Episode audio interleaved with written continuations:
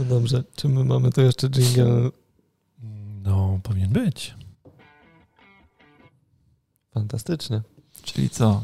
Lecimy na Szczecin. Jakiś cichy ten jingle, może nam trochę głośniej.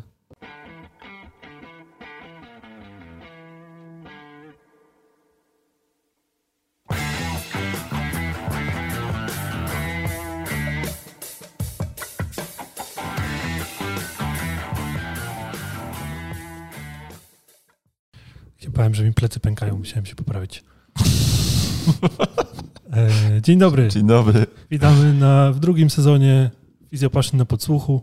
Ja to nawet powiem dzień dobry bardzo. Dzień dobry bardzo. Się tak cieszę, że znowu nagrywamy. No to dwumiesięczna A przerwa. propos Dzień Dobry, to była jakaś afera ostatnio z Dzień Dobry TVN, nie? Coś wojewódzki coś tam powiedział, zdejmują go z anteny, jakieś takie chocki, klocki, ale nie, wiem o co chodzi. no. Słyszałem właśnie tylko, że wojewódzkiego zdejmują z anteny, ale nie wiem dlaczego. Szok i niedowierzanie. No, trochę lat to minęło. Żeby nie było, że jestem no life'em, tak też o tym Też słyszałem. słyszałeś o tym. No widzisz. Może zacznę w końcu oglądać telewizję, nie wiem. Będę na bieżąco. Dobra, off topiki zaraz. Na razie y, witamy w drugim sezonie Fizjopaszyn Tak, na dzień podsłuchu. Razem ze mną Jakub Durczak, To ja. Marcel Mieszkalski It's me. i ja dalej się nazywam Dariusz Kowalski i dalej będziemy prowadzić podcast. Em, Co, drugi sezon i teraz nie wiem, czy powinienem to nazwać jako odcinek 20, który byłby nominalnie po 19, czy 2 razy 01. Zostawiamy tą decyzję tobie, Darek. Ty jesteś gospodarzem tego podcastu, więc Musisz to No rozkminić. musisz to wziąć na swoje barki. Dareczku, zrób tak, żeby było dobrze. Dobrze, no zrobię tak, żeby było dobrze. Tak się po prostu myślałem, że może coś mi podpowiecie, ale nie można na was liczyć najwidoczniej. Nie. Dobra. E, coś chcecie poopowiadać o wakacjach, jak wam minęły, żeby nasi słuchacze wiedzieli? Co, ja miałem bardzo fajne wakacje. Miałem takie wakacje, że miałem ich dużo i miałem je w czerwcu, w lipcu, w sierpniu i w sierpniu skontrolowałem konto i okazało się, że we wrześniu już nie będę miał wakacji. że ten model nie sprawdza się na dłuższą metę. Ale odpowiedzialnie, odpowiedzialnie. Przynajmniej sprawdziłeś konto, nie idziesz Tak. w debet. Nie. Znaczy, a dobra, pomińmy te kwestie, to są skomplikowane kwestie. No ja z kolei co? No też miałem udany urlop. Udany głównie dlatego, że pozwolił mi uświadomić sobie, że urlopy nie są dla mnie, bo pandemia spowodowała, że ja się naprawdę bardzo dobrze regeneruję w weekendy i robię to systematycznie. I okazuje się, że taki system regeneracji odpowiada mi dużo bardziej niż tygodniowy urlop, tudzież dwutygodniowy, który miałem w tym roku. Więc rozpędzić się z działaniami nad różnymi projektami po urlopie było mi niesamowicie ciężko, ale w gabinecie przynajmniej mi się przyjemnie pracowało po urlopie. To ja mam zupełnie odwrotne przemyślenie na przykład. Że ja planuję No bo na... ty się w weekendy nie regenerujesz. Regeneruję się, znaczy stary, no jakby, Z trójką dzieci? no właśnie, nie? to jest jakby inna kwestia. Natomiast ja mam takie przemyślenie, że w przyszłym roku chcę zrobić sobie miesiąc urlopu. W sierpniu... e, Będzie bolało po powrocie. No właśnie zobaczymy, nie? Jeden długi. W sierpniu sobie wezmę ślub i myślę, że zrobię sobie wolny sierpień. Klasa. Dobry pomysł. Razie sobie jest- miesięczne wesele. A później sprawdzisz stan konta? Nie, jakby, Podobne wnioski jak w tym roku. no nie, na wesele już, już prawie odłożyłem ten hajs. Więc Rozumiem. No, a moje wakacje też bardzo w porządku. E, troszkę pograłem na ukulele, troszkę pograłem na konsoli, na co nigdy nie Darek miałem mi czasu. się chwalił, że umie już y, whisky moja żona na ukulele. Tak jest, musisz, musisz to kiedyś zrobić. Wiesz. zrobić. E, no jeszcze to nie jest ten etap, żebym zagrał jingle nasz na ukulele, to, to nie, bo na razie to tylko takie standardowe bicie akordowe do ogniska i kumbaya, więc, więc to nie to, ale no może Ale to kiedyś... jest taki trochę ogniskowy podcast, nie? Coś w tym jest chyba, no. Dobrze, kącik społecznościowy otwieram. Dawaj, I? musisz tym nacisnąć jingle. Nie, chyba teraz. No tak wypadliśmy z. Z czego wypadliśmy? Wypadliśmy rytmu. z rytmu. Że, że nawet nie wiem, czy teraz puszczamy jingle przed kącikiem społecznościowym. Nie, Chyba puszczamy między Puszczamy kącikami. Między kącikami. A który to jest przycisk ten? Tak mi się wydaje. Dobra, później sprawdzimy. E, jakie było twoje pytanie? W sensie, że powitanie nie jest kącikiem, więc nie ma po Tak, tak, Okej. No dobra, to lecisz. E, nie mamy za dużo w tym kąciku społecznościowym. Mamy parę wiadomości od słuchaczy, którzy w międzyczasie gdzieś tam, jak nas nie było, to, to coś mi się tam napomknęło.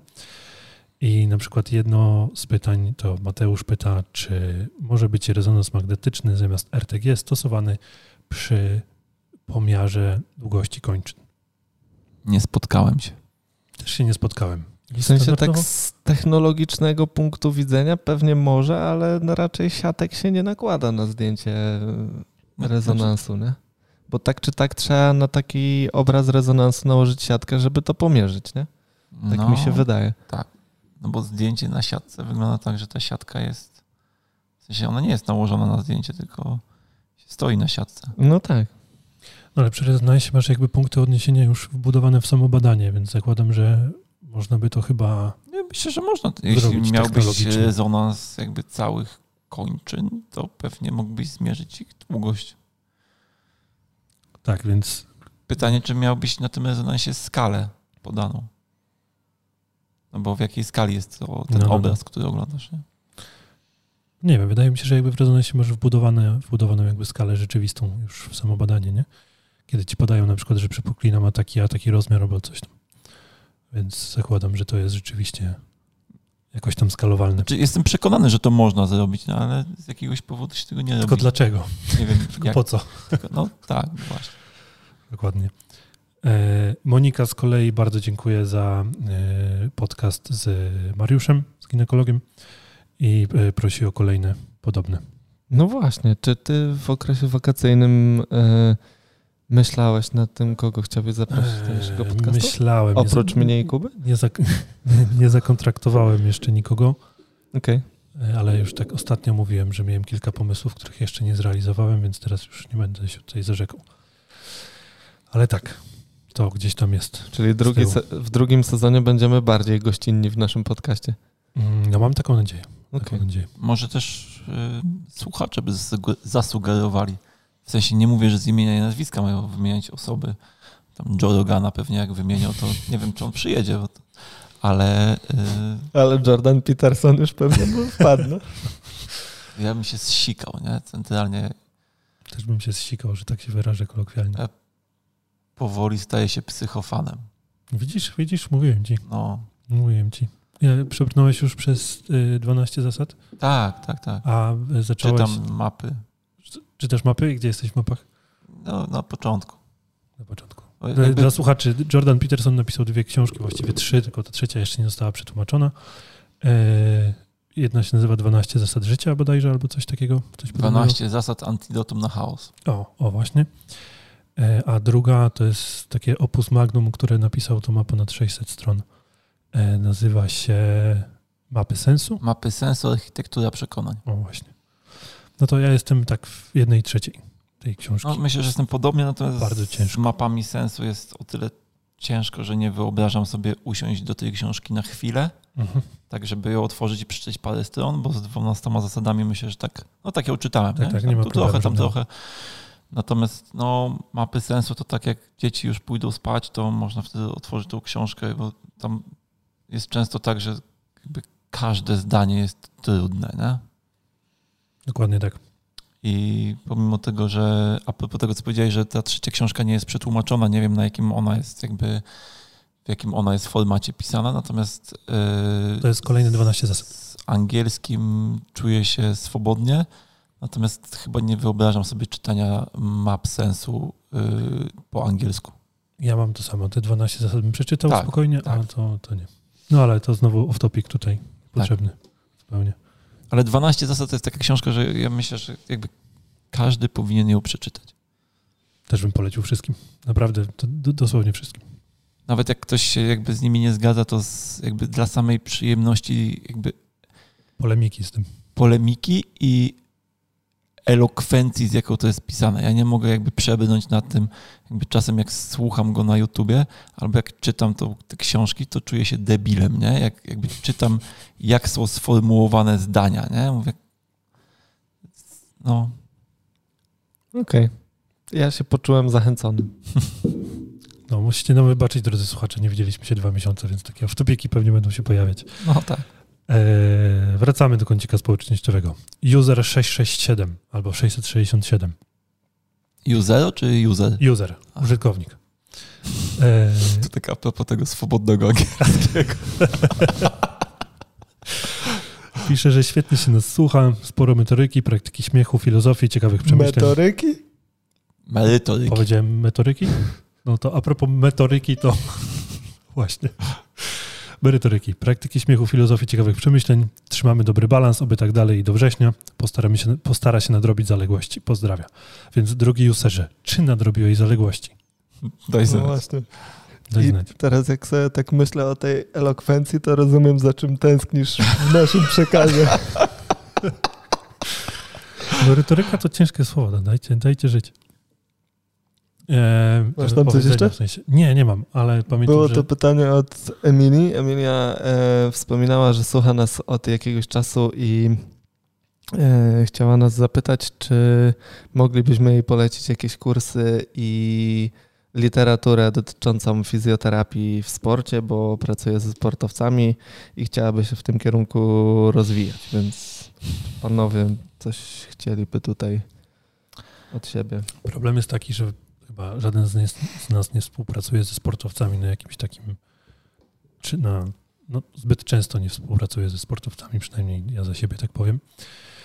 E, więc nie mam jakichś takich super referencji chyba. Ja byłem. No, mogę Wam opowiedzieć taką dosyć ciekawą historię.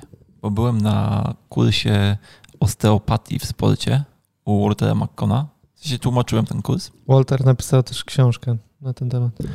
No i to jest gość, który ma e, no, mega doświadczenie, bo on pracował z, e, z zawodowymi futbolistami, rugbystami e, i futbolistami pracował, no, no, on w NFL pracował, nie? jakby z drużyną zresztą, która w sezonie, z, kiedy z nimi pracował, zrobiła Mistrzostwo Stanów, więc no myślę, że doświadczenie ma duże. I z takich ciekawostek ten kurs był kursem głównie teoretycznym, jak to u Waltera, natomiast on dużo mówił o, o tym, co powinno być w torbie, e, takiej, którą masz ze sobą, jak z nią wybiegasz na boisko, e, o udzielaniu pierwszej pomocy, o takiej szybkiej ocenie urazu, em, o ocenie nerwów czaszkowych pod kątem tego, czy coś tam przy uderzeniu się właśnie nie, nie pękło w twarz o czaszce na przykład, e, o wyłapywaniu e, wczesnych objawów e, krwawień wynikających z uszkodzenia głowy, takich wewnętrznych krwawień. Natomiast tak naprawdę nie pokazywał oprócz chyba jakiejś jednej techniki tejpowania kostki, to właściwie nie pokazywał żadnych manualnych manewrów. No i w jakiejś przerwie mu powiedziałem, że chyba jakby grupa jest troszeczkę rozczarowana, że tej praktyki jest tak mało, a właściwie nie ma jej wcale. No co on taki zdziwiony mówi, no ale to są wszystko osteopaci, nie? Ja mówię, no, a on mówi, to chyba potrafią nastawić, rozluźnić mięsień, czy odblokować zablokowane kolano, nie? I dla niego to było takie oczywiste, że ci ludzie jakby nie przyszli się uczyć manualnych rzeczy, tylko jakby tego, co jest jakby inne konkretnie w sporcie, czyli wszystkiego dookoła, nie? I myślę, że tutaj Ewelina, tak? E, Emilia. Emilia, przepraszam. Że to może być taka wskazówka dla Emilii, że e, niekoniecznie ta fizjoterapia w sporcie jakby różni się bardzo mocno od fizjoterapii gdzie indziej, tylko różni się jakby mm, kontekst. Nie? Że trzeba się zastanowić nad. Bo techniki- Zrozumienie techni- czynników, nie? które... Tak, że jakby niekoniecznie to musi być kurs fizjoterapii w sporcie, żebyś się nauczyła e, dobrze pracować z zestawami, z mięśniami, ewentualnie. Zresztą, na, ale na kursach, myślę, że na wielu kursach pojawiają się takie moduły, gdzie mówi się o pracy w stanie ostrym, nie? No bo no kontuzja, no to jest praca w stanie ostrym po prostu i czy to jest mm, wiesz, stan ostry, dyskowy u pacjenta, który na co dzień siedzi, czy to jest stan ostry u pacjenta, który ma to w wyniku urazu, no to ta praca ma generalnie no oprócz takiej interwencji, nie wiem, te lody, wszystkie spreje i tak dalej, no ale to są rzeczy, które można wyczytać z książek, nie? No, nie ma jakichś specjalnych technik na pewno dla takich, które by działały u sportowców, a u zwykłych śmiertelników nie lub odwrotnie, więc jeżeli chodzi o stosowane techniki, to jest z grubsza to samo to tak jak Kuba mówi, to chodzi raczej o ten kontekst, w którym to się wszystko znajduje. Tylko pytanie, co to znaczy pracować ze sportowcami? Czy pracować ze sportowcami, no tak. bo przyszli do gabinetu po urazie, czy prowadzić jakiś zespół? Prowadzenie zespołu to jest dokładnie to, o czym Kuba mówisz. E, to też jest mocno związane jakby z charakterystyką samego sportu. Nie? Czy to jest sport kontaktowy, bezkontaktowy, to powiedzmy to, czy jesteś w stanie ocenić nerwy czaszkowe w 5 sekund nie jest tak ważne, powiedzmy w siatkówce, jak jak w rugby czy w jakimś tam judo, powiedzmy, nie? Mm. E, więc to na pewno jest taka historia, e, ale widziałem, że Marty jeszcze chciał coś powiedzieć. Ja chciałem powiedzieć, że mm, to, czym mogą się różnić e, kursy tej tak zwanej fizjoterapii w sporcie od normalnych kursów, to tym, że y, umówmy się, że praca z zawodowymi sportowcami to nie jest praca nad zdrowiem, tak? To jest praca nad tym, żeby ten zawodnik mógł wystąpić w kolejnym meczu, żeby mógł, y, nie wiem, y, dokończyć sezon, więc to jest trochę takie, mm, mówiąc bardzo kolokwialnie, łatanie dziur i te algorytmy postępowania, y, które pewnie przedstawia się na takich szkoleniach, różnią się właśnie tym, że no my nie mamy tutaj czasu na to, żeby, że tak powiem, pozwolić pacjentowi na y, płynięcie z fizjologią jego organizmu, tylko musimy trochę z tą fizjologią ponegocjować, y, jeśli chodzi o kontrolę stanu zapalnego, jeśli chodzi o wspomaganie y, czy to systemu mięśniowego, czy to kostnego, czy jakiegokolwiek, który nam po prostu nie domaga. Nie?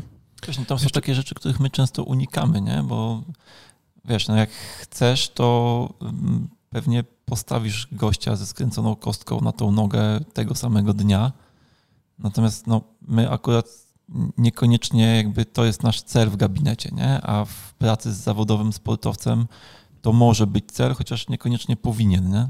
Ja rozumiem, że robisz coś takiego, bo jest start, nie? natomiast w okresie treningowym na przykład uważam, że no nie byłoby to najlepsza interwencja na świecie. Nie? No, na pewno długofalowo raczej no. nie miałoby to najlepszych skutków, ale um, jeszcze co do pracy ze sportowcami, a raczej co do prowadzenia zespołu, to nie wiem, Emilia, czy jakby o to chodziło, nie? Czy o prowadzenie takiego zespołu w tym pytaniu też między innymi, ale skoro już o tym mówimy, to warto wspomnieć, że jeżeli mówimy o prowadzeniu zespołu, powiedzmy, nie najbardziej profesjonalnego, powiedzmy pierwszego, pierwszoligowego piłkarskiego, tylko gdzieś tam jakiegoś niższej rangi, że się tak wyrażę, pod kątem przede wszystkim funduszy, które są w to pakowane, to będąc fizjoterapeutą, jesteś człowiekiem od wielu, wielu, wielu zadań, bo raz, że musisz być fizjoterapeutą, dwa, że musisz zajmować się prewencją, trzy, że prawdopodobnie jeszcze suplementy trzeba będzie do tego dobierać i dbać o jakby ogólnie o zdrowie tych sportowców. Bardzo często to spoczywa na barkach fizjoterapeutów, gdzieś tam w tych powiedzmy niższych ligach czy sportach, które nie są, nawet niekoniecznie w niższych ligach, nawet e, w sportach, które no nie są po prostu wysoko wysoko finansowane, to Czy umówmy się, że fizjoterapeuta tam jest wszystkim od tak, zdrowia. Tak naprawdę. Więc to są też, przepraszam, kierunki takich kursów, które mogłyby cię po prostu zaciekawić, nie? Jak już mówimy o tym, o tym zakresie obowiązków, to ja kiedyś byłem na rozmowie w sprawie pracy w e, zespole. No i no szczerze mówiąc, to było żenujące. W sensie takim, że dowiedziałem się właśnie, że mam być dwa razy dziennie na treningu, jeździć z nimi na zgrupowania, obozy, mecze wyjazdowe. E, mam być tak naprawdę całą dobę pod telefonem, bo jak zawodnik potrzebuje pojechać do lekarza, to mam być też jego taksówkarzem i po prostu go tam zawieźć. E, I zaproponowali mi pensję, która była tam, nie wiem, 500 zł wyższa od pensji z przychodni, gdzie po prostu wychodzisz o 14 i masz wszystko gdzieś, nie? Więc y, myślę, że jakby często praca w tych zespołach takich z, y, to nawet nie chodzi o to, że, bo to był chyba pierwszoligowy zespół w ogóle, tylko że to nie była piłka nożna, nie? No, no, no, bo tak naprawdę mówię. zarabia się dobrze tylko w piłce nożnej. E, więc mm, to jest praca dla pasjonatów często, nie? Po prostu dla ludzi, którzy konkretnie chcą pracować ze sportowcami i no i tyle. No. Mi się tak całe życie, to nie całe życie, może nie bo już trochę żyję, ale przez długą część mojego życia tak właśnie wydawało, że ja chcę pracować ze sportowcami, jako że z sportem miałem sporo wspólnego i, i ci fizjoterapeuci, którzy tam orbitowali wokół nas, no to jakby dużo nam pomagali wtedy i pomyślałem, że to jest super robota. No ale jak zobaczyłem to od drugiej strony, to stwierdziłem, że no, no nie, to nie moje powołanie zdecydowanie. No, musisz się temu oddać, nie? To jest taka praca na bez yy, nie, nielimitowany czas pracy. Prawda. No, a wracając do kursów i literatury, to myślę, że bezpośrednio ci, Emilio, nie polecimy bardzo wiele w tym temacie, ale jeśli chciałabyś e, trochę o terapii ruchem sobie gdzieś tam pośledzić e, ciekawych osób, to zachęcam Cię do śledzenia Kuby Surmacza na Instagramie. On na pewno mm, bardzo często odsyła do różnych mm, koncepcji, różnych e, mentorów, od których on sam się uczy, a, a uczy się bardzo dużo i, i, praktykuje przede wszystkim bardzo dużo, więc na pewno będzie lepszym drogowskazem w tym kierunku niż my. Po tej Kuba filozoficznej rozmowie. E, tak, prowadził, no, prowadził teraz sporo internetowych kursów, natomiast stacjonarnych szkoleń na ten moment jeszcze nie. W przyszłości pod szyldem Physiopassion. Tak. Jeszcze co do, co do szkoleń dla, dla, do pracy z sportowcami, tak teraz mi przyszło do głowy jeszcze, że większość sportowców, która do mnie przychodzi, e, to bardzo chwali sobie terapię tym klawikami, że to im bardzo, ponoć bardzo dużo pomaga. Natomiast ja tego nie stosuję, więc ciężko mi się odnieść bezpośrednio. Dobra, Zamykam kącik społecznościowy. Dobra.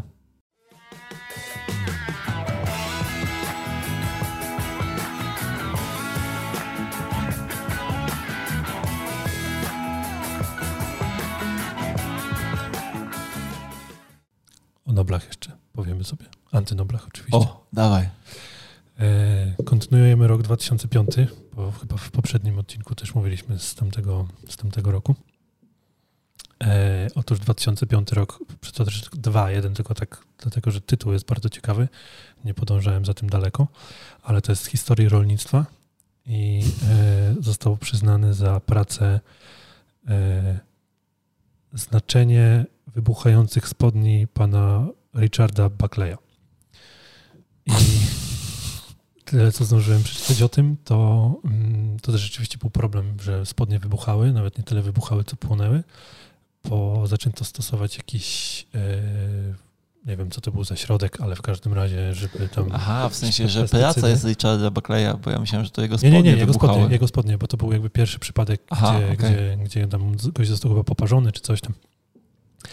I e, jakieś tam pestycydy za, były stosowane na, na polach i które okazało się, że przy odpowiedniej temperaturze po prostu zajmują się ogniem i jakby te pestycydy przechodziły, zostawał, a nie, nawet nie, same te pestycydy nie były palne, ale w momencie kontaktu z, ze strojem, nie wiem co to było, w co oni byli ubrani konkretnie, ale że ten, konkretny, ale ten konkretny materiał e, powodował jakąś tam reakcję i wtedy stawało się to łatwopalne. I to nie był wybuch jako tako, natomiast z daleka mogło to wyglądać rzeczywiście jak wybuch, bo natychmiast się to zajmowało ogniem. Więc i to ponoć był rzeczywisty, rzeczywisty problem, tylko nie pamiętam, które to były lata, chyba 1900, gdzieś tam, początek 1900, coś tam. Ale to nie, nie tego Nobla chciałem przytoczyć, to tylko tak przy okazji. E, antynobla w dziedzinie biologii dostał pan Benjamin Smith, dostał pan Craig Williams, Michael Tyler, Brian Williams i to jest chyba Yoji Hayasaka, coś takiego. pięciu, pięciu śmiałków, którzy podjęli się karkołomnego zadania i skatalogowali 131 zapachów żab e, poddanych pod, znaczy w stanie stresu. Okej, czyli stresowali żaby i notowali jak pachną. E, Stresowali żaby i tych pięciu śmiałków... A e, jest opisana metodyka straszenia żaby? Nie, nie, nie widziałem metodyki straszenia żaby. Widziałem tylko, że W stresowali te sensie żaby. stresowania? Nie, nie. E, widziałem tylko, że stresowali te żaby i oni jakby nachylali się tak, żeby nie widzieć tej żaby i wąchali te żaby. E, I potem katalogowali to, czy zapach był kwiatowy, czy był jakiś tam odpychający, czy jakiś tam i tak dalej. Bardzo obiektywne badania.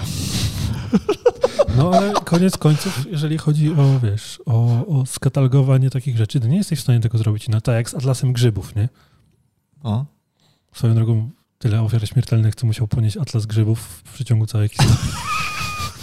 To tak sobie myślę, że to... Myślę, że trochę więcej niż katalogowanie zapachu żab w Tak, stresie. ale jakby to było katalogowanie już y, smaku żaby, to myślę, że byłaby podobna historia jak z atlasem grzybów. Więc nie wiem, do czego potem było użyte to badanie. Widzę, że y, wiele z tych osób to byli pracownicy albo jakichś tam uniwersytetów, co nie jest dziwne, albo pracownicy jakichś ym, no, Żabiarni. nie żabiarni właśnie, tylko firm y, z perfumami, więc może chcieli wykorzystać wydzieliny do... ogóle, ale do swoją drogą, tak zupełnie poważnie, to jest jakby bardzo ciekawe dla mnie, jak. e, No bo my generalnie staramy się rozwinąć, czy może rozwinąć zmysł dotyku, to nie jest dobre słowo, nie? Roz... Nie, nie, nie, uważam, że tak, no. Tak? Rozwinąć bez tego można tak powiedzieć. Okej, no to umówmy się, że można tak powiedzieć. Natomiast ludzie robią to samo z innymi zmysłami, nie? Ze smakiem, z zapachem. I ja na przykład y, uważam, że my powinniśmy sobie, w sensie to by było ciekawe doświadczenie, żebyśmy poszli na degustację whisky, gdzie ktoś, kto ma bardzo rozwinięty, a przynajmniej tak twierdzi, zapach smaku i węchu, jakby opowiada o tych zapachach Zapach i smaku i węchach. węchu. No, I zmysł smaku. żebyśmy się zastanowili, jak można tą metodykę, no bo tam jest Ale pewna ja to- metodyka uczenia się, jakby tych, rozwijania tych zmysłów, zastanowić się, czy tą metodykę jesteśmy w stanie przełożyć sobie na dotyk. Nie? Ja to zawsze powtarzam, jak e, prowadziłem studentów na akademii, że to, co my robimy z dotykiem, to jest dokładnie to samo, co No. robi taki sommelier z zapachem, znaczy z, ze, no, ze smakiem i zapachem właściwie, nie? No, Ja też tak uważałem do niedawna, ale pod wpływem niedawnych rozkminek uważam, że z dotykiem i, i z tymi zmysłami wszystkim jest trochę inaczej, e, bo no, umówmy się, że odbieramy tą informację za pomocą jakichś receptorów, więc dla mnie nie da się wyćwiczyć tych receptorów, tylko działa to na zasadzie zero-jedynkowej, tak? Albo masz bodziec progowy, który ten receptor pobudza, albo tego bodźca nie masz i bardzo szybko te receptory się zazwyczaj adaptują, tak? No, ale W przypadku zmysłu zapachu. Więc o jakim ćwiczeniu mówimy? W jaki sposób możesz wyćwiczyć? E, to jakby to wiadomo, ale to z każdym zmysłem tak jest, że albo masz bodziec progowy, albo nie masz bodźca progowego. Dokładnie tak samo jest z dotykiem. No, Natomiast to, to, ćwiczysz, chodziło mi o to, że jest inaczej niż w ten sposób, że ćwiczymy dotyk, ćwiczymy zapach, ćwiczymy jakby interpretację. No właśnie, dlatego Tak, się tak, zastanawiałem, dokładnie. czy wyrażenie, że jakby wyćwiczyć zmysł jest jakby prawidłowo. Jak ja A, to powiedziałem? Jak tak, ja się powiedziałeś chyba wyćwiczenie zmysłu dotyku, powiedziałeś, no. No, no właśnie, że jakby no nie ćwiczysz No, zmysłu, dlatego tylko nawiązuję do, tego, do tej twojej wątpliwości, nie? że się z nią zgadzam. Nie? No to zgadzamy się, natomiast ja bym to dalej podciągnął pod ćwiczenie zmysłu konkretnego, No nie? tak, Bo to jakby semantyka zmysłu może masz to- wtedy, masz wtedy jakby szersze, jeżeli potrafisz to zinterpretować. Tak, dobrze. natomiast nie na poziomie bodźca, tylko na poziomie interpretacji bodźca. Mhm. A ja się będę upierał, że nie jest to ćwiczenie dotyku, bo sprawia to wrażenie, że to w twoich rękach się to odbywa i masz wrażenie, że jakby mm, to rękę powinieneś do tego ćwiczyć, a powinieneś ćwiczyć do tego tak naprawdę głowę z perspektywy doświadczeń. I nie? tu się zgodzę z Marcelem w tym sensie, że jeżeli nie jesteśmy Jordan Peterson, e, nie jesteśmy precyzyjni w formułowaniu wypowiedzi, to, to może prowadzić do błędów. I teraz na przykład dla nas, jak my ze sobą rozmawiamy i mówimy o ćwiczeniu dotyku, to każdy z nas wie, co mamy na myśli. Natomiast jak mówimy to samo do kursantów na przykład, to oni mogą już mm, interpretować to w ten sposób, że mogą właśnie wyćwiczyć dotyk, nie? W sensie Prawda. mieć lepszy dotyk. To prawda, ale to kwestia jakby definicji, które sobie tam postawimy w międzyczasie, nie? Tak. Co to znaczy dotyk tak naprawdę i gdzie on się odbywa. Dobrze. Wracając do tego zapachu, to ja No. Nie, smak. Jest taki smak, podobno mokry papier. Ja bym chciał to poczuć. Nie, bo y, mnie w kontekście tego antynobla zastanowiła tam, jeszcze, tam jest toaleta, Kuba. jeszcze jedna kwestia mnie zastanowiła. Y, mm, jakby 131 różnych zapachów. Y, trzeba być naprawdę arcymistrzem w interpretowaniu zapachów, Ładnie. żeby potrafić przypisać pewien zapach aż do Konkretnej żaby. tu 30 kategorii. No umówmy się, że mm, rozumiem, że w dalszym ciągu byli to pracownicy y, jakiejś tam perfumerii, więc z zapachem byli obyci. Natomiast wiesz, to trochę, Nie. dla, trochę dla mnie tak jak z kolorami, nie? że y, jako facet znam trzy, a z zapachami no pewnie też jest tak, że jest bardziej ale to mniej Łososiowy i przyjemny. jakie dwa inne. Marcel, tu nie chodziło jakby o nadawanie, e, nadawanie konkretnej nazwy danemu zapachowi, tu raczej chodziło o to, żeby żebyś ty jako, jak ty odbierasz dany zapach. Jeszcze jestem ciekaw, nie, nie, nie sprawdzałem tego, czy, czy były różnice między, między odbierającymi, czy na przykład dla jednego to było odpychające, a dla innego to było przyjemne. Więc tego nie sprawdzałem i nie wiem, czy tam oni zrobili takie porównanie.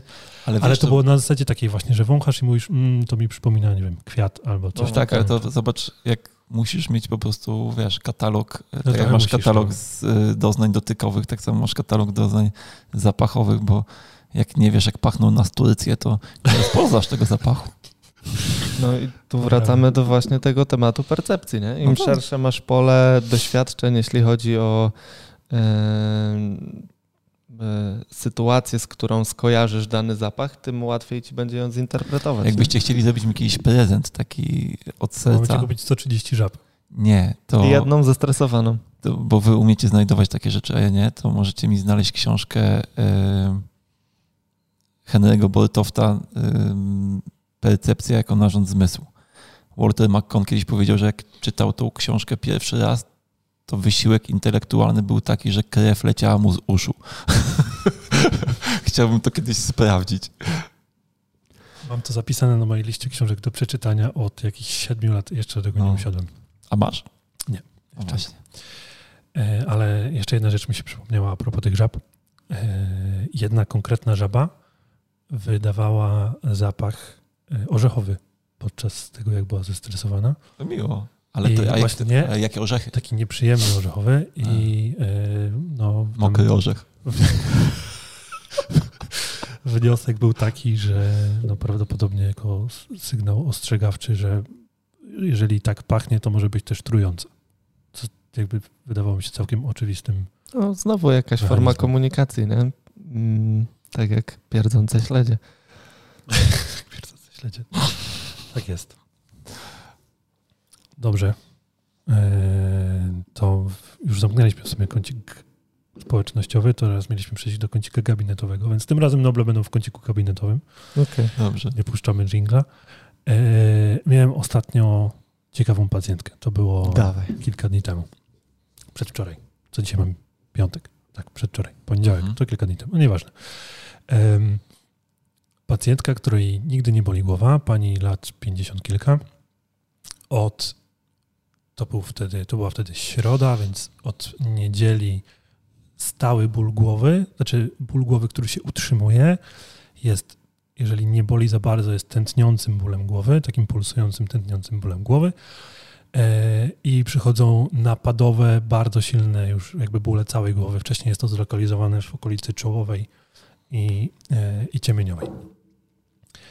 No i no, generalnie dość alarmujący sygnał, jak kogoś nigdy nie boli głowa i nagle zaczyna boleć głowa w taki sposób nieprzerwany, no to nie wróży Słabo. to zbyt dobrze. No więc zbieram wywiad i pytam jakby, czy ma jakiś pomysł, skąd to się mogło wziąć. I pani się troszeczkę zmieszała i mówi, no, że ona generalnie nie pije alkoholu, ale w sobotę to przegięła. E, Piła whisky, czego co jej się nie zdarzyło od, od wielu lat. E, I całą niedzielę po prostu spędziła w toalecie wymiotując, czego też nie robiła od bardzo, bardzo wielu, wielu lat. E, W międzyczasie do tej środy zaczęła sobie mierzyć ciśnienie i normalnie jak jest nisko ciśnieniowcem, to się okazało, że tam ciśnienie potrafi mieć 160 na bodajże chyba 100 czy 90 w takich na co dzień, znaczy jakby bez skoku, Normalny, a jak ma skok, to potrafi mieć to jeszcze, jeszcze dużo wyżej, nie? gdzie normalnie miała 90 na 40. E, więc no, ciekawy przypadek. Przechodzę do badania i w badaniu wychodzi mi przede wszystkim cała klatka piersiowa, która jest napięta maksymalnie, przepona, która jest napięta maksymalnie i wszystko to ciągnie się jakby takim środkowym napięciem aż w samą podstawę czaszki. E, No i pani przyszła do mnie z bólem głowy i po samym uwolnieniu przepony, podciągnięciu przepony do góry, ból mija jak, jak, jak za dotknięciem magicznej różdżki. Więc moja koncepcja była na to, oczywiście nie jestem w stanie obronić tego w żaden sposób, no bo zobaczymy, jak to zadziałało. Znaczy, pani wyszła bez bólu głowy, natomiast czy zobaczymy, jak to się utrzyma. Ale że podczas tych wymiotów, które trwały, tam mówiła bodajże niecałe 12 godzin, kiedy wymiot- wymiotowała, e, doszło do takich napięć w obrębie śródpiersia, czyli więzadła choćby przeponowo-sierdziowego czy mostkowo-sierdziowego i tak dalej, że powstały no niezbyt sprzyjające warunki do, do pracy całego układu krwionośnego, do pracy serca, skok ciśnienia i w efekcie ból głowy. I w momencie, kiedy udało się zdjąć ten wzorzec napięciowy z tego całego układu wewnątrz klatki piersiowej, objawy zaczęły przechodzić. I teraz, yy, żeby ktoś nie pomyślał, że ja jestem tego taki pewny, tego co tutaj mówię teraz, to to jest moja hipoteza, którą sobie postawiłem. I jeżeli udałoby się to potwierdzić na kolejnej wizycie, widzę panią tam za kilka dni, e, że już nie ma skoków ciśnienia i nie ma bólu głowy, to obstawałbym przy tym, że rzeczywiście taki był związek przyczynowo-skutkowy. Mhm. No, tak, Bardzo z logiczna perspektywy hipoteza. e, mechaniki całego tego obszaru, jak najbardziej pasujący temat. U was jakiś ciekawy pacjent ostatnio? Aczkolwiek odniosę się do jednej kwestii, bo tutaj akurat był stresor, który Darek na poziomie wywiadu wyłapał, ale jeśli trafi wam się w gabinecie pacjent z bólem głowy, którego nigdy nie bolała głowa, albo pacjent z bólem głowy o nowej charakterystyce jest to pacjent po 50 roku życia, to jest to jedna z czerwonych flag w przypadku pacjentów z bólami głowy. Tak? Wszelkiego rodzaju malformacje naczyniowe, właśnie problemy dotyczące układu sercowo-naczyniowego, to są tematy, które dotykają pacjentów na przełomie 40-50 rok życia e, najczęściej, więc bądźcie wtedy ostrożni i jeśli w wywiadzie nie wyłapujecie żadnego mechanizmu, no to warto takiego pacjenta gdzieś tam E, dodiagnozować. Nie? Jeszcze, żeby była jasność, oczywiście zrobiłem pełną diagnostykę neurologiczną, czy nie ma żadnych innych objawów. To jest też coś, co, co może wam powiedzieć, czy jest względnie bezpiecznie, czy nie. Jeśli pojawiają się jakie inne, jakiekolwiek inne objawy neurologiczne, to jest Dokładnie. natychmiast pacjent do odesłania. E, ale to nie jest tak, że ja powiedziałem tej pacjentce, że to jest już załatwiliśmy problem, tylko że dalej ma zrobić konsultację neurologiczną, bo jakby tutaj, jeżeli to będą jakieś naczyniowe rzeczy, no to czas gra dużą rolę, nie? Więc pani w międzyczasie jeszcze ma wizytę u neurologa i zobaczymy, jak to się potoczy. Pytanie też, co metabolicznie się u tej pani dzieje, jeśli pojawiła się taka silna reakcja na ten alkohol. E, no tak, no tak. No pytanie, czy... Albo na alkohol, albo na wymioty. Natomiast jakby samo to, że no, nawet W sensie reakcja na wymioty wtórne, nie? w Natomiast sensie takim, że mówić, dlaczego pani wymiotowała 12 godzin po No, przyjęła alkohol? tak, to jest teraz. Natomiast y, dwa, że ym, nawet jeżeli założymy, że po prostu ten bodziec był czysto mechaniczny, związany z tymi wymiotami, no to też to nie jest do końca normalne, że jest tak silna reakcja, że organizm tak mocno sobie nie poradził z tym obciążeniem takim fizycznym, nie? Oczywiście, wszystko prawda. si. Coś jeszcze chciałeś mówić, czy nie? Chyba nie. A, pytałeś o naszych no, pacjentów. no, no. Nie, ja, nie o pacjencie, natomiast ostatnio y, zwrócił mi uwagę y, dr Bigman, którego ostatnio dużo słucham, na bardzo ciekawą rzecz. jest? Ben Bigman to jest y, mm, naukowiec, który napisał taką książkę Dlaczego chorujemy. Chyba nie ma jej po polsku. Why Chyba we get sick. Why we get A, sick. a, no, zacząłem to czytać nawet, no. E, taka z niebieską okładką. Tak, tak. No, to, to, to słucham jej i nie wiem, czy to było w książce, czy to Czytasz? było... Słucham. Słuchasz? Słuchasz książki? Tak. A, Masz, okej. masz tego? Audiobooka. Okej, super. E, mam audiobooka i słucham jej i nie wiem, czy to było w książce, czy w którymś e, odcinku Metabolic Classroom. To jest taki taki jego Cykl podcastów. cykl podcastów krótkich, e, które polecam bardzo. Mówił o refluksie i w sumie nigdy o tym nie pomyślałem, że u osób z e, dużą otyłością brzuszną, w sensie tą wewnętrzną, no, wisteralną, tylko narządową. e, narządową, Mhm. że mechanizmem, e, który powoduje refluks, może być po prostu to, że tkanka tłuszczowa fizycznie naciska na żołądek. To jest sensie, ten sam mechanizm, co miejsca, u nie? kobiety ciężarnej, u której po prostu on jest dopchnięty do przepony i tam po prostu tkanka tłuszczowa ogranicza raz, że jego ruchomość, a dwa, że po prostu jego pojemność, nie? I, w, I on nie jest w stanie, w momencie, w którym zjadasz posiłek, nie jest w stanie się rozszerzyć, bo jest tak obudowany tkanką tłuszczową. Jakby taki, no taka ciekawostka, no ale pomyślałem sobie, że bo jakby, no, pracujemy czasem z pacjentami z refluksem i tak sobie pomyślałem, że jest to mechanizm, o którym jakby nigdy Okej, ale nie pomyślałem. to nie? jest mechanizm mm, hipotetycznie założony, czy to jest mechanizm potwierdzony w jakiś sposób? Mm, Nie no, on zawsze przytacza te mechanizmy na bazie Tak. jakiejś publikacji. Okej, takim, okej, że u osób okej. z Dobra, taką otyłością narządową się to zdarza. Nie? Nie, no bo ja często mam wrażenie, w medycynie mamy takie historie, że coś wydawałoby się super logiczne, a po, potem Mhm. jak się to podda badaniom, się okazuje, że niekoniecznie. Zastanawiam się, czy może nie jest to taka, No. jak, bardzo potwier- jak bardzo potwierdzone info. Ja nie wiem, co miałbym powiedzieć.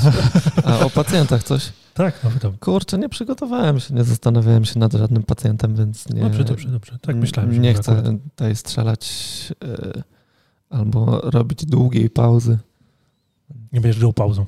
Nie będę grał pauzą, tym bardziej, że uważam, że dość mięsny był ten kącik gabinetowy. No, Tak, to prawda. Tak. Przygotuję się na następny. Dobra.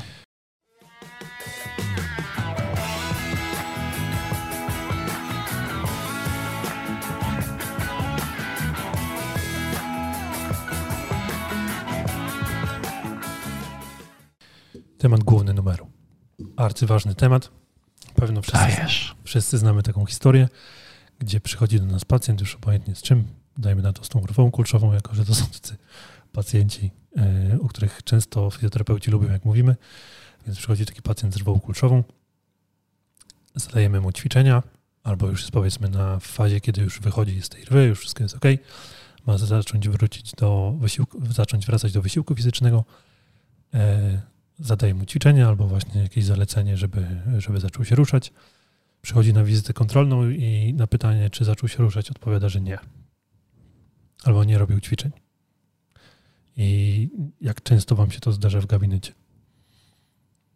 Nie chcę być brutalny, ale w pewnym sensie mógłbym odpowiedzieć zawsze. No, często bardzo. Często bardzo. No właśnie. I teraz, czy macie jakiś pomysł, albo czy macie jakieś sprawdzone sposoby, jak sobie radzić z tym problemem? Wiesz co, ja ostatnio coraz więcej rozmawiam z pacjentami na temat ich jakby codziennych nawyków i myślę, że kluczem jest zmiana świadomości. Ja często mówię pacjentom, że, że ja tylko sprzątam, natomiast od nich zależy, jak szybko będą robić bałagan. I staram się jakby tłumaczyć istotność aktywności fizycznej, odżywiania, różnych innych rzeczy, snu. E, Natomiast szczerze mówiąc, jakby nie mam parcia, żeby pacjent mnie słuchał, nie? Jakby czuję się w obowiązku sprzedać mu jak najwięcej mojej wiedzy na ten temat i jakby spróbować. Myślę, że jedyne, co można zrobić, bo jeżeli chcemy, żeby pacjent zaczął robić coś, czego do tej pory nie robił, to znaczy, że musi zmienić nawyk. I wydaje mi się, że zmiana nawyków bez zmiany świadomości jest ekstremalnie trudna, nie? W sensie takim, że musiałbyś mieć kogoś, kto ci po prostu, nie wiem, ma jakiś powód, żeby cię słuchać bez powodu. Co, co? W sensie, że ktoś ślepo ufa temu, Ślepo ci A, ufa, po prostu ty mu mówisz, on tak robi, nie? I czasem ludzie tak robią yy, w odniesieniu do lekarzy, nie? No bo lekarz mówi, proszę brać te tabletki i oni je po prostu biorą. Czy Natomiast to jest robią- też łatwiejsze, nie? nie? Chyba nie. Wydaje mi też się, że, łatwiejsze. że Nie, no ale nie jest tak. Myślę, że mm, znaczy znam takich ludzi, którzy, wiesz, jak lekarz powie, to tak po prostu jest, nie? No tak, tak. E, no i nie jeżeli że to jest trafisz... Nie, ja nie, nie, nie, chyba nie użyłem słowa większość. Okej, okej, A jeśli tak, to, to przepraszam. nie chciałem. E, nie, myślę, że tam to jest po prostu częstsze, ale też wynika to może z tego, że łykanie tabletki jest dużo łatwiejsze, nie? niż wyjście codziennie na spacer. Ale też myślę, że mm, błęd, nie wiem czy błędem, ale myślę, że takim czymś, co może nas nie ustawiać na sukces w tych rozmowach z pacjentami, jest zarzucenie ich zbyt dużą ilością tej aktywności, nie? Że jeżeli wrzucisz pacjentowi, że tutaj proszę to, to, to, to, to, no to to jest zbyt duża zmiana, nie? Ja na przykład y, zaczynam od prostych bardzo rzeczy, czyli mówię pacjentowi, że proszę wyjść codziennie na półgodzinny spacer i jak się to uda, to porozmawiamy o tym, co dalej, nie? Okej, okay. czyli właściwie znaleźliśmy dwie rzeczy. Jedna rzecz to rozmowa z pacjentem i uświadomienie go, jak to jest ważny problem, znaczy jak ważne jest to, żeby zaczął się ruszać albo robił ćwiczenia. A druga rzecz, o której mówisz, żeby próg wejścia był niski. Mhm. Ja też robię dokładnie tak samo. Na przykład, jeżeli zadaję pacjentom ćwiczenia, to zadaję mi jedno ćwiczenie najczęściej. Bo jak im zadam, zauważymy, jak im zadam trzy ćwiczenia, to to już jest, to już jest za dużo. Mhm.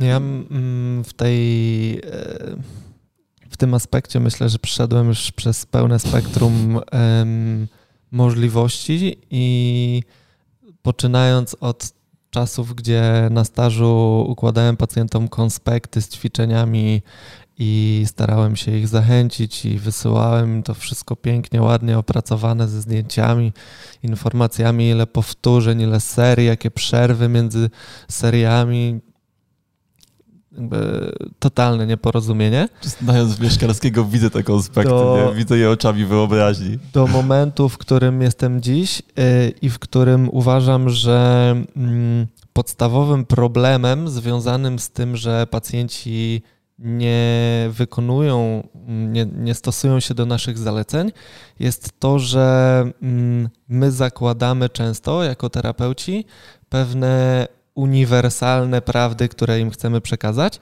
I o ile te prawdy y, w jakimś stopniu są ok, to musimy w pewnym sensie dostosować y, te uniwersalne prawdy pod naszego pacjenta w tym sensie, że jeżeli ja powiem każdemu pacjentowi, że ma wychodzić codziennie na spacer, to jakiś procent tych pacjentów na ten spacer pójdzie, Natomiast będzie taki procent pacjentów, który po prostu nie lubi spędzania czasu w formie spaceru i wolałby nieco inną aktywność. Więc ja staram się też ustalić zawsze u pacjenta, jaki jest jego kontekst środowiskowy, tak? Czy on ma ósemkę dzieci, czy on jest singlem, czy on na co dzień jest pacjentem ym, typu skowronek, czy to jest pacjent, który budzi się do życia z pełną witalnością o godzinie 16. No bo umówmy się, że tego typu rzeczy będą determinować to, jakie ja mogę temu pacjentowi zalecenia dać. Nie?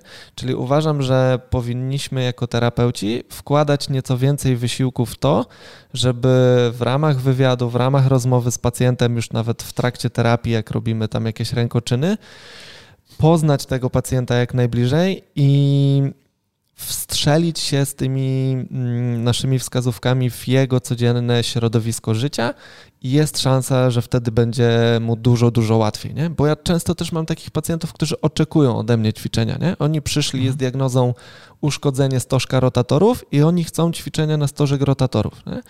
Przy czym ten sam pacjent ma yy, nerwicę, tak? ma problem z przewlekłym zapaleniem błony śluzowej na poziomie żołądka i ma jakąś tam dysbiozę, y, jeśli chodzi o y, jelita i próbując mu ustalić, y, ustalić, próbując mu uświadomić to, że jego problem leży gdzieś indziej niż w uszkodzonym stożku rotatorów, tak? że jakby system nie domaga na zupełnie innym poziomie, no muszę go w pewnym sensie przekonać, nie? że panie...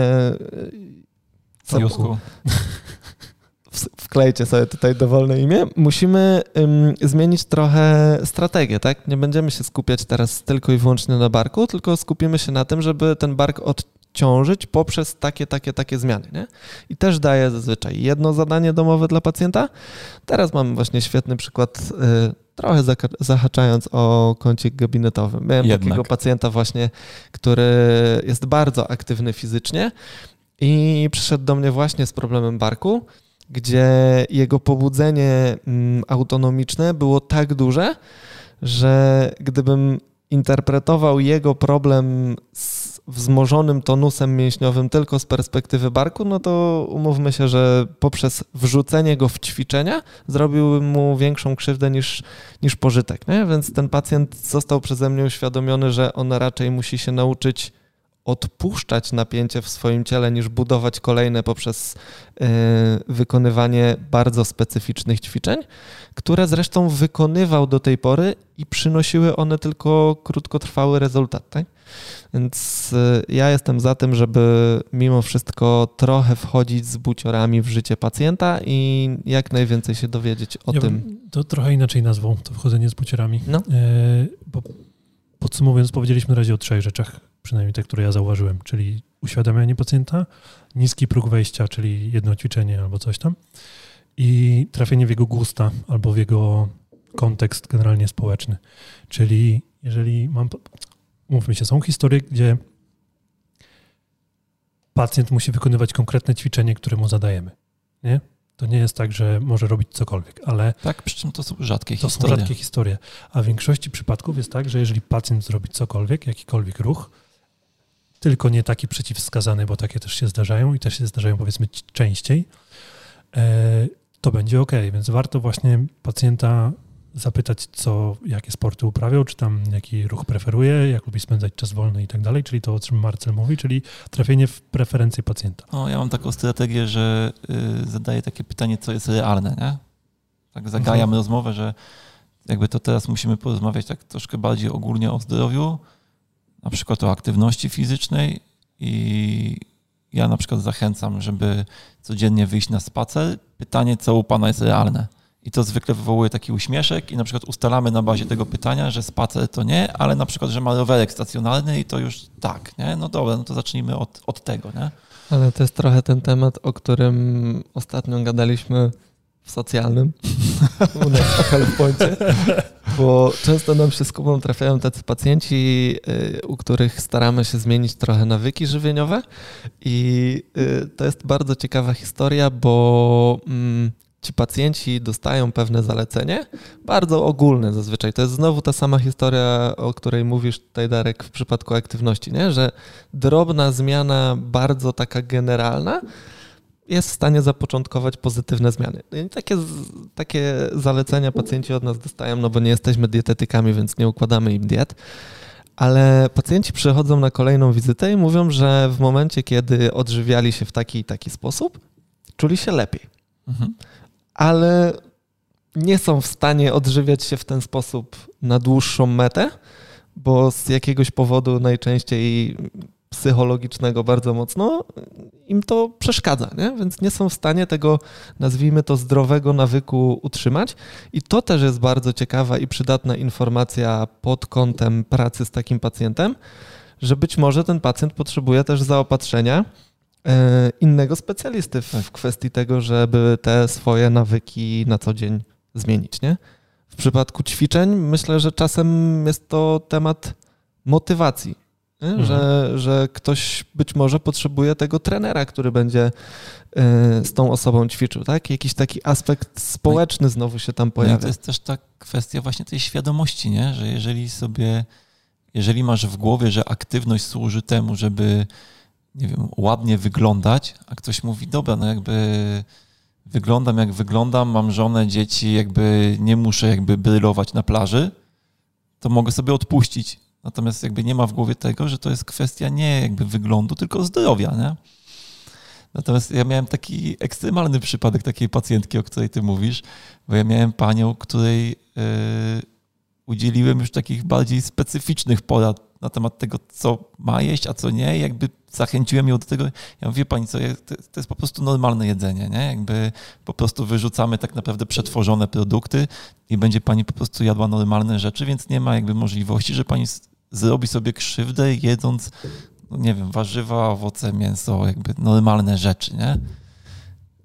I ona przyszła po jakimś czasie i mówi do mnie, że jakby jak tak jadłam, to się bardzo dobrze czułam, no ale przecież tak nie chcę ciągle jeść. Ja mówię, no ale to co, to chce się pani źle czuć? Jakby, no. wiesz, jakby to się kompletnie się to nie przepięło, nie? Ale... No dlatego mówię, ja bym to zinterpretował już jako y, zaburzenie, które wymaga konsultacji z dietetykiem klinicznym, bo wpisuje się w jakieś tam zaburzenia y, odżywiania w kontekście, wiesz, czy y, jakichś tam zespołów, y, Boże, jak to się zawsze w tej psychodietetyce, o, takich zespołów psychodietetycznych, o, o to mi chodziło. Ja bym chciał jeszcze ten temat y, ugryźć z zupełnie drugiej strony. Bo nie wiem, czy na pewno zdarzają wam się pacjenci, to są często ludzie pracujący w korpo, bo w korpo jest taka trochę y, moda na sport, na, na zdrowie. Na zdrowie. Mhm. Natomiast, na bycie fit. No, natomiast zobaczcie, że są pacjenci, bardzo często osoby w, młode lub w średnim wieku, zwykle to jest tak 30 parę, 40 parę lat. Y, Czyli w naszym wieku młode. No. Czyli y, no tak, w naszym wieku y, mniej więcej. Bardzo aktywne fizyczne, fizycznie, z dużymi problemami. I te osoby często, moim zdaniem, należy zachęcić do zmniejszenia aktywności fizycznej, bo jak sobie pomyślisz, co oni sobie robią, to mają stresującą pracę, czyli masz jakby pierwszy czynnik y, obciążający, siedzącą pracę i siedzą często 8-10 godzin ciągiem, jakby co jest bardzo obciążającym czynnikiem i mają wyobrażenie, że kontrą do tego siedzenia jest bardzo intensywna aktywność fizyczna po siedzeniu. I potrafią na przykład codziennie biegać dychę, nie? Ja miałem taką pacjentkę, która codziennie praktycznie wychodziła sobie po pracy przebiec 10 kilometrów. I teraz ten jakby intensywny wysiłek fizyczny jest kolejnym czynnikiem obciążającym dla organizmu. Nie? To nie jest tak, że jakby, że ten wysiłek fizyczny zawsze organizm przyjmuje jakby z ogromnym entuzjazmem. Że nie? to jest wymazanie tych poprzednich. Tak. Nie? nie mówiąc o tym, że w ogóle to jest bardzo ciekawy temat, nad którym ostatnio się trochę pochyliłem, że aktywność fizyczna po pracy nie jest kontrą do siedzenia w pracy. Że tak naprawdę jedynym sposobem na kontrę do siedzenia jest robienie częstych przerw. E, trzy tematy mi się nasunęły, nie wiem, czy wszystkie zapamiętam, ale spróbuję. E, Przede wszystkim jak przyszła pandemia, spodziewałem się, że ludzie, którzy przejdą na home office, będą mieli większe problemy z plecami niż e, mieli w biurze, bo mają nieergonomiczną pozycję, bo to, bo tamto, bo tamto. E, okazało się, przynajmniej z moich doświadczeń, zupełnie inaczej, jeżeli chodzi o problemy z plecami. Pozycja jest mitem trochę. E, no, no, jasne, ale jakby możesz mieć źle dostosowane, no, tak. wiesz, i że myślałem, że będą mieli dużo gorzej dostosowane w domu warunki pracy niż, niż w pracy, ale przynajmniej z mojego doświadczenia, dużo lepiej funkcjonują ci pacjenci na home office. I wydaje mi się, że z uwagi na to, że siedzą po pierwsze wygodnie, bo się gdzieś tam zapatulą w kanapę, wezmą do laptopa na kolana, ale w wygodnej pozycji, to jest jedna rzecz. A druga rzecz, że robią przerwy, mhm. bo tu pranie, bo tu jakieś siedzenie, bo tu coś tam i tak dalej. Więc to była jedna rzecz, która ja mi Ja na przykład na bazie tych przemyśleń nie biorę butelki z wodą do gabinetu teraz tylko mam wodę w szklance, jak mi się kończy, to muszę wyjść i sobie nalać. A, Chociaż ja nie siedzę cały czas, no bo wstaję, nie? chodzę dookoła stołu i tak dalej, ale uważam, że to jest taka... Yy... ale to, że tej butelki nie ma, to też sprawia, że mogę pacjentom podać to jako przykład. Nie? No, ja odnośnie pandemii uważam, że pacjentów z plecami jest wciąż tak samo dużo i większość z nich utożsamia ten ból pleców z tym właśnie, że są na home office, tylko jak zaczyna się tych pacjentów badać, to okazuje się, że tam w plecach faktycznie niewiele się dzieje i trochę inne mechanizmy często związane z jakąś tam izolacją społeczną, związane z być może jakimś, jakimiś negatywnymi emocjami typu lęk, niepokój, co to będzie z tą mhm. pracą i tak dalej, że to często też tych pacjentów determinuje czy predysponuje do wystąpienia dolegliwości. Więc bądźcie też na to wyczuleni, że to nie zawsze, mówię do słuchaczy, nie do was, że to nie zawsze musi być ten też. czynnik mechaniczny. Nie? Czy panowie, jak spróbujecie, mam nadzieję, że niedługo, popracować w chacie, jak są dzieci, to zrozumiecie, skąd wynika ten stres, nie? Znaczy, to jest horror, naprawdę. Jak ja mam coś ważnego do zrobienia, co muszę zrobić jakby na CITO w momencie, kiedy dzieci są w domu, to jest... To idziesz do sąsiada. Znaczy chciałbym, nie, naprawdę, to jest jakby, to jest tak obciążające, że ja mam po 30 minutach wrażenie, że po prostu siedzę przed kąpem od 14 godzin, nie? bo to jest, musisz się tak jakby skupić, wyłączyć i Masakra. Dla mnie to jest masakra. Zalecić ci jakieś ćwiczenia medytacyjne? E, jeszcze co do tego, to ty Kuba mówiłeś, że ustalasz z pacjentem, co on jest w stanie zrobić, to e, nasunęła mi się historia. Przyszła do mnie pacjentka też jakoś niedawno. Um, przepraszam. Która zapisana jest na operację wycięcia e, pęcherzyka żółciowego w grudniu. To teraz się robi planowane operacje? No właśnie, słuchajcie, no generalnie kamica, kamica żółciowa, jakieś tam złogi. E, no i chirurg stwierdził, że jest jakby to do wycięcia i tam na grudzień, nie, nie wiem, czy to była kwestia terminu, której znalazł, że to było najszybsze, czy coś tam. Nie było żadnego zapalenia dróg żółciowych i tak dalej. E, no i pani przychodzi i słyszała, że słyszała, że da się takie rzeczy załatwić inaczej i co ja mogę jej na to poradzić, nie? Czy jesteś w stanie coś z tym zrobić? No i pierwszą rzecz, którą, którą ja z nią zacząłem ustalać, to jest, czy ona jest w stanie coś z tym zrobić, bo moja praca tutaj jest gdzieś tam, powiedzmy, mm. też ważna, natomiast to, co najbardziej będzie ważne, to to, jaką ona będzie miała dietę i jak często jest w stanie spożywać posiłki, czy będzie piła wodę, co będzie jadła na śniadanie i tak dalej, i tak dalej. Więc pierwszą wizytę właściwie poświęciliśmy 40 minut na to, żeby wytłumaczyć jej, jak będzie wyglądał ten proces i czy ona chce się go podjąć rzeczywiście. Nie? No bo to, to, się, to są rzeczywiście wyżyczenia, e, jakby pragmatycznie trzeba na to spojrzeć, czy w swoim trybie życia jestem, mam przestrzeń na to, żeby wprowadzić takie, a nie inne, no, taki, a nie inny tryb życia. No i pani stwierdziła, że musi się zastanowić, nie? że pomimo tego, że wie, że grozi jej operacja, jeżeli nie zrobi takich rzeczy, stwierdziła, że nie wie, czy jest w stanie wprowadzić takie zmiany do swojego życia. Nie? Więc jakby ja, ja, nie uważam nawet, że to jest źle. Uważam, że bardzo pragmatycznie spogląda na ten temat, stwierdzając, że no dobra, to musi teraz podjąć decyzję, czy w jedną stronę, czy w drugą. Czy rybka, czy pipka. Trochę tak. Też koniec końców, jak jej wyharatają ten pęcherzyk, no to mówmy się, że będzie jak musiała będzie jeść tak, jak je zmiany. teraz, no to... to... No, I to też była część e, jakby tej wizyty i też mówiłem jej o tym, że okay, są ludzie, u, którym, u których się wycina pęcherzyk i na początku stosują dietę i potem tę dietę st przestają stosować, bo się okazuje, że nie mają żadnych większych objawów, ale to, to, to zbiera potem żniwo długo, długofalowe, nie? Więc, więc to nie jest tak, że jak się wytnie pęcherzyk, to już sprawa jest załatwiona, co niestety bardzo często jest tak przedstawiane. Tak. I jeszcze trzecia rzecz, wszystko zapamiętałem, nie wierzę. Brawo. E jak, bo wracamy do tego ruchu, jak zachęcić pacjentów do ruchu. Więc powiedzieliśmy o tych trzech rzeczach, czyli uświadamianie, um, niski próg wejścia, niski próg wejścia i preferencje. preferencje. I na tych trzech filarach, jeżeli już zażre, w cudzysłowie, czyli pacjent właśnie chodzi na te spacery albo wykonuje to jedno ćwiczenie, które mu zadaliśmy, jeżeli on dostanie zwrotkę, że coś poszło dobrze, to teraz można mu zacząć dopiero dokładać rzeczy. Mm. Jakichś super celowanych albo coś tam.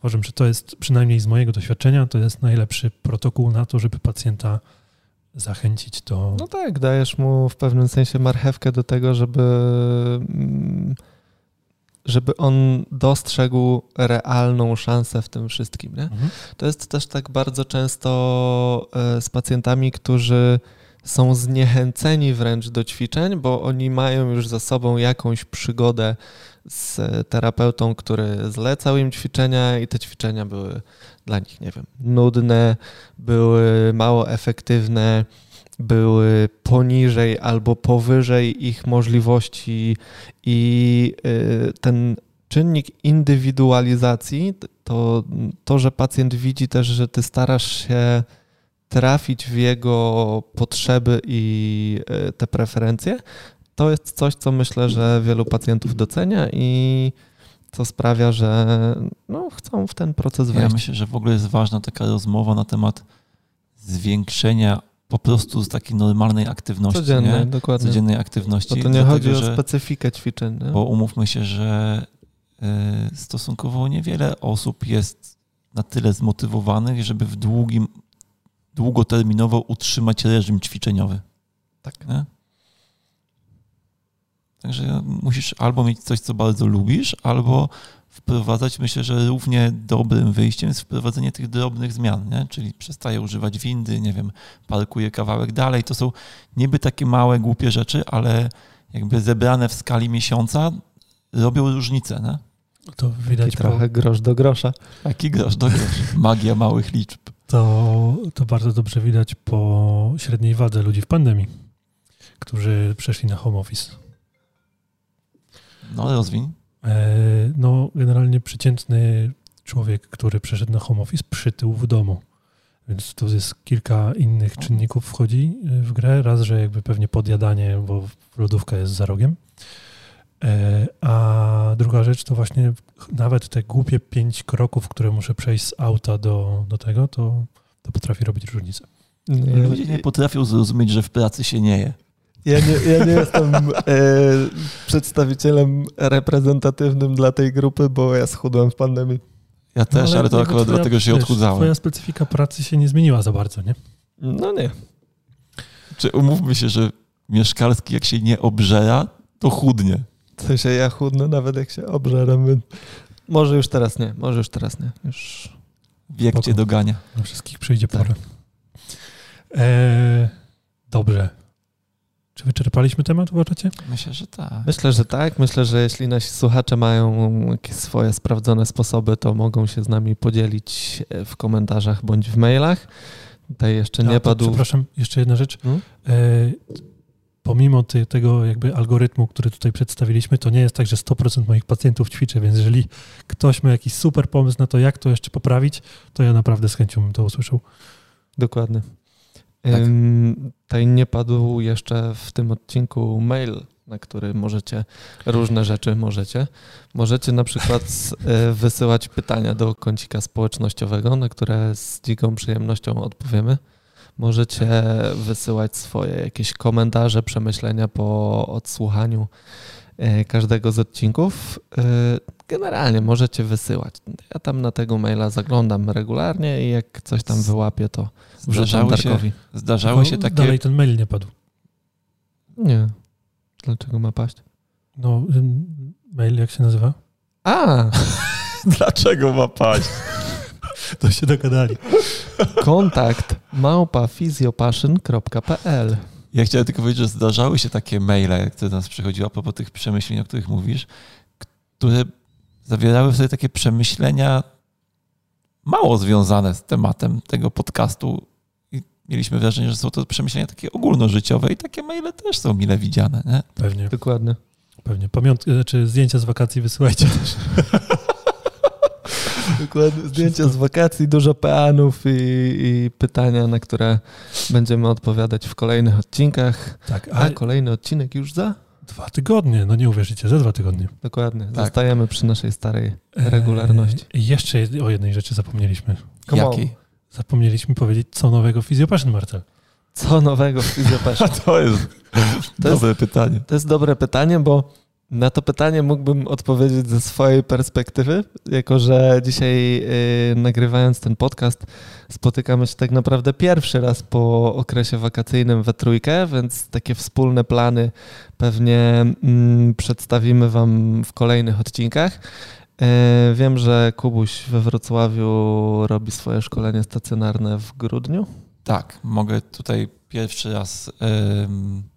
nie, w listopadzie. W listopadzie, Sorawka. W listopadzie będzie szkolenie stacjonarne skolioza okiem osteopaty u nas tutaj w Health Pointie y, i mogę Wam, jesteście pierwszymi osobami, które się dowiadują, że powstała strona internetowa skoliozaokiemosteopaty.pl i tam na tej stronie Uuu. są Uuu.